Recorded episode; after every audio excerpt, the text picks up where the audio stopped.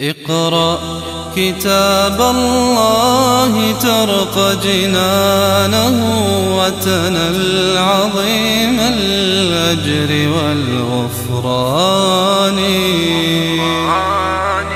رتله روي القلب من نفحاته كالماء يروي لهفة العطشان وفرش مرفوعة أي أنهم على فرش أو سرر مرفوعة والرفع هنا كم متر؟ جاء في حديث صحيح أن رفعها هو بقدر ما بين السماء والأرض. إذا أنت هنا أمام عالم آخر مختلف تماما. والسياق فقط للتقريب وإلا فالأمر مما لا يمكن أن يتخيله الإنسان. وفرش مرفوعة وأيضا رفعها بنقائها بطهارتها بطيبها. ولما ذكر الفرش ذكر النساء بقرينة التلازم بينها قال أنا أنشأناهن إنشاء. يعني أنشأناهن يعني النساء لأن هذا معروف التمتع في الجنة. وهذا يشمل نساء الدنيا كما قاله جمهور المفسرين وجاء في آثار مرفوعة إلى النبي صلى الله عليه وسلم ولا تصح. لكن فيها حديث أن النبي صلى الله عليه وسلم جاءته امرأة فقالت ادعو الله أن يدخلني الجنة قال إن الجنة لا يدخلها عجوز وهذا ذكره الترمذي في الشمائل وغيره وقال حديث حسن. فأصابها ما أصابها فقال أخبروها بأن الله تعالى يعيدهن أبكارا عربا أترابا إنا إنشأناهن إنشاء. وفي حديث ضعيف قال هن العجائز اللاتي كن غمصا رمصا. فيعيدهن الله تعالى أبكارا. ويعني هذا يعني من فضل الله سبحانه وتعالى قال إنا أنشأناهن إنشاء فجعلناهن أبكارا. وهنا البكارة دائمة ومستمرة مثل ما قلنا في الولدان قال ولدان مخلدون. هذه صفة دائمة لهذه المرأة لأنها في نفس السن وبنفس المواصفات لا تتغير أبدا أبكارا عربا أترابا لأصحاب اليمين. عرب جمع عروبة. والعروبة قل فيها كل ما شئت من معاني الكمال والجمال والزينة. ولذلك قال بعضهم العروبة هي المتحببة لزوجها. العروبة هي التي يعني تتغزل بزوجها. العروبة هي التي تعرب عن مشاعرها وعن حبها. ولذلك قال بعضهم العاشقة. لزوجها. العروبة قالوا من أسمائها أهل المدينة يسمونها الغنجة يعني تتغنج لزوجها وأهل العراق يسمونها الشكلة أيضا بذات المعنى بمعنى أنها دائما تظهر رغبتها في زوجها وتحببها إليه ومن ذلك يعني كمال صفاتها في اللفظ في الكلام في العين في النظر.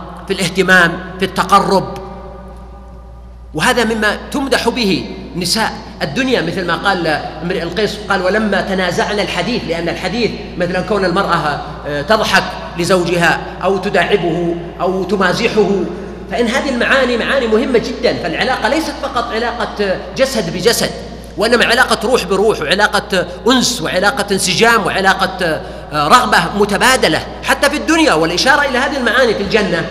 إشارة إلى قدر من التنعم بها في الدنيا.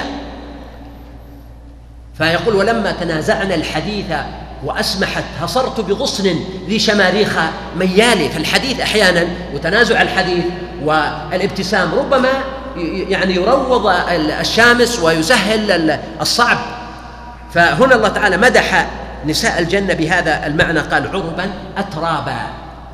أتراب ترب والأتراب هن المتساويات في السن. وغالبا ما يكون في النساء. أما الرجال فقد يقال لهم أنهم أقران. النساء يقال عربا أترابا كما قال وكواعب أترابا يعني في سن واحد لأصحاب اليمين. وهذا يقال فيما قلنا سابقا في الخلاف الأولين والآخرين. هل هم الأمم السابقة وهذه الأمة أو هذه الأمة أولها وآخرها؟ قال سبحانه وأصحاب الشمال ما أصحاب الشمال. طبعا هنا الذي سبق دل على أن صنفين من الناس هم في الجنة السابقون وأصحاب اليمين. وهذا من فضل الله تعالى وسعته ورحمته. ولهذا يعني آه، هذا يدل على كثرة من يدخل الجنة من هذه الأمة الأمة ومن الأمم الأخرى غيرها. أيضا حديث عن آه، عن أبي هريرة رضي الله عنه وهو في البخاري أن النبي صلى الله عليه وآله وسلم قال أول زمرة يدخلون الجنة على صورة القمر ليلة البدر. ثم الذين يلونهم ربما هؤلاء الأولون هم السابقون ثم الذين يلونهم على صورة أفضل كوكب دري في السماء إضاءة. وهؤلاء لعلهم أصحاب اليمين. وفي حديث قال لكل امرئ منهم زوجتان يرى مخ سوقهما من وراء اللحم. ولو أن امرأة من نساء الجنة نظرت إلى الدنيا لأضاءت ما بينهما ولملأته ريحا ولنصيفها على رأسها خير من الدنيا وما فيها. يا سلام. شيء عظيم. نصيفها على رأسها. غطوة امرأة من نساء الجنة على رأسها. النصيف هنا يعني ليس تكليفا في الجنة ولكن هو جمال ولباس وزينة. نصيفها فقط خير من الدنيا وما فيها. رائحتها تملأ ما بين المشرق والمغرب ريحا. فأبو هريرة رضي الله عنه ساق هذا الحديث في مساق الجدل والحديث متفق عليه بل رواه آه، أهل السنن أيضا. ساقه في مساق الرد على جدل كان ثار فيما بينهم أيهما أكثر النساء أم الرجال في الجنة. فهذا دليل على أنه أكثر النساء ولا الرجال في الجنة. لا النساء. ليش؟ لأن كل واحد عنده زوجتان فمعناه أنهم الضعف.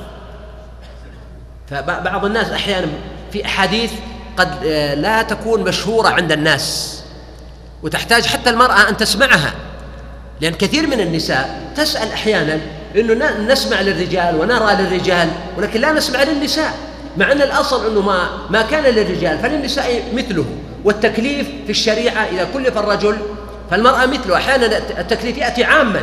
ليس مخصصا للرجل أو لغيره. وإذا قال الله تعالى الذين آمنوا هذا يشمل الرجل؟ والمرأة. والسابقون السابقون. في نساء ولا ما فيه من السابقين؟ فيه. وأصحاب اليمين كذلك. وأصحاب الشمال كذلك. فأصل التكليف واحد. والله تعالى لا يميز بين الناس بجنس ولا بلون ولا بجنسية ولا ببلد ولا بنسب وإنما بالعمل الصالح. ولذلك دعونا نذكر من السابقين. مثل من؟ نريد نساء من السابقين فيما نحسب. مريم عليه السلام. آسية امرأة فرعون. هاجر سارة. خديجة رضي الله عنها عائشة رضي الله عنها فاطمة رضي الله عنها أمهات المؤمنين. كلها كل هؤلاء من السابقين. ها؟ أمنا حواء نعم. وهو كذلك. قال سبحانه وأصحاب الشمال ما أصحاب الشمال؟ في سموم وحميم. والسموم هي الريح الحارة الشديدة ولذلك قيل إنها مأخوذة من السم لأنها كأنها كالسم ينغرس في جسد الإنسان لشدة حرارتها وما تورثه من العطش. ولذلك شف جمع الله بينهما. قال في سموم وحميم. السموم ريح حارة. الإنسان لما يكون في الصحراء ويطول به المقام. وتهب عليه رياح سموم شديدة جدا ويستمر فيها. إلى ماذا يفزع؟ إلى الماء. لو بغير الماء حلقي شرق كنت كالغصان بالماء اعتصاري. فهؤلاء مشكلتهم أيضا في الماء. ولذا قال في سموم وحميم. والحميم هو الماء الحار الذي بلغ النهاية في الحرارة. فإذا جاءتهم السموم فأولد ولدت عندهم العطش طلبوا الحميم فسقوا هذا الماء الحميم. قال وظل من يحموم. الإنسان أيضا إذا جاءته السموم وجاءه الحميم الماء الحار يريد ظلا يأوي إليه. فهذا كالسخرية بهم. ولذلك الله تعالى ذكر لهم ظل. وأنت لما تسمع وظل قبل ما تسمع الباقي قد تقول يعني في مجال هناك ظل. قال الله تعالى وظل من يحموم. هذا ظل من الدخان. وهو مأخوذ من الحمم والحمم هو الفحم. فهو ظل من الدخان من دخان جهنم الذي هو شديد الحرارة. ولهذا قال انطلقوا إلى ظل ذي ثلاث شعب لا ظليل ولا يغني من اللهب. فهو ليس ظلا ظليلا كما قال عنه الجنة وندخلهم ظلا ظليلا. ولا يغنيهم من اللهب بل هو من اللهب وهو عذاب لهم أيضا. قال وظل من يحموم لا بارد ولا كريم. ليس الظل باردا لأن الظل يطلب للبرودة أحيانا. من الشمس يقي من الشمس. فهذا الظل ليس باردا. قال ولا كريم لأنه قد يطلب الظل أحيانا لنوع من الكرامة. من الإنسان يأتي بأضيافه ويجلسهم في الظل. فالظل هذا ليس فيه الكرامة لهم وليس فيه البرودة التي يبحثون عنها. ثم قال سبحانه إنهم كانوا قبل ذلك مترفين. فبدأ بالترف. وقد يسأل سائل يقول هل الترف كله حرام؟ فأقول ليس مجرد التنعم بما أعطى الله تعالى من الطيبات حراما.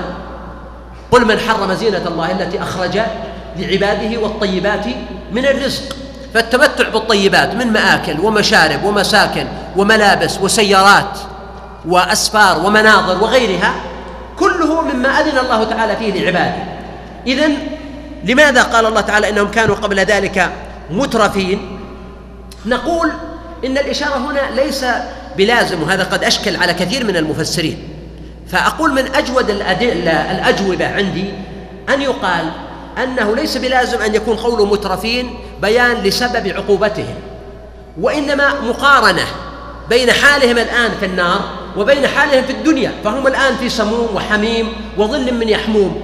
أجسادهم ربما كانت ناعمة في الدنيا ما تعودوا على مقاسات الشدائد والصعاب والرياح الحارة والشمس والظهيرة والرمضاء ما تعودوا على ذلك لماذا؟ كانوا في الدنيا مترفين وهذا على سبيل الأغلبية لأن الغالب ممن يعادون الرسل والأنبياء يكونون متمسكين بمصالحهم الدنيوية ورياساتهم وأموالهم الخوف عليها من الذهاب وإلا فقد يوجد في هؤلاء الذين هم كانوا في الدنيا فقراء وكانوا لا يتمتعون بشيء من طيباتها ومع ذلك في الآخرة لهم ما توعد الله تعالى به أمثالهم. قال وكانوا يصرون على الحنث العظيم. لاحظ الإصرار والحنث. الحنث أكثر ما يستخدم في إيش؟ في الحلف بالأيمان. طيب تفضل. الحلف أكثر ما يستخدم في اليمين أنه حنث في يمينه.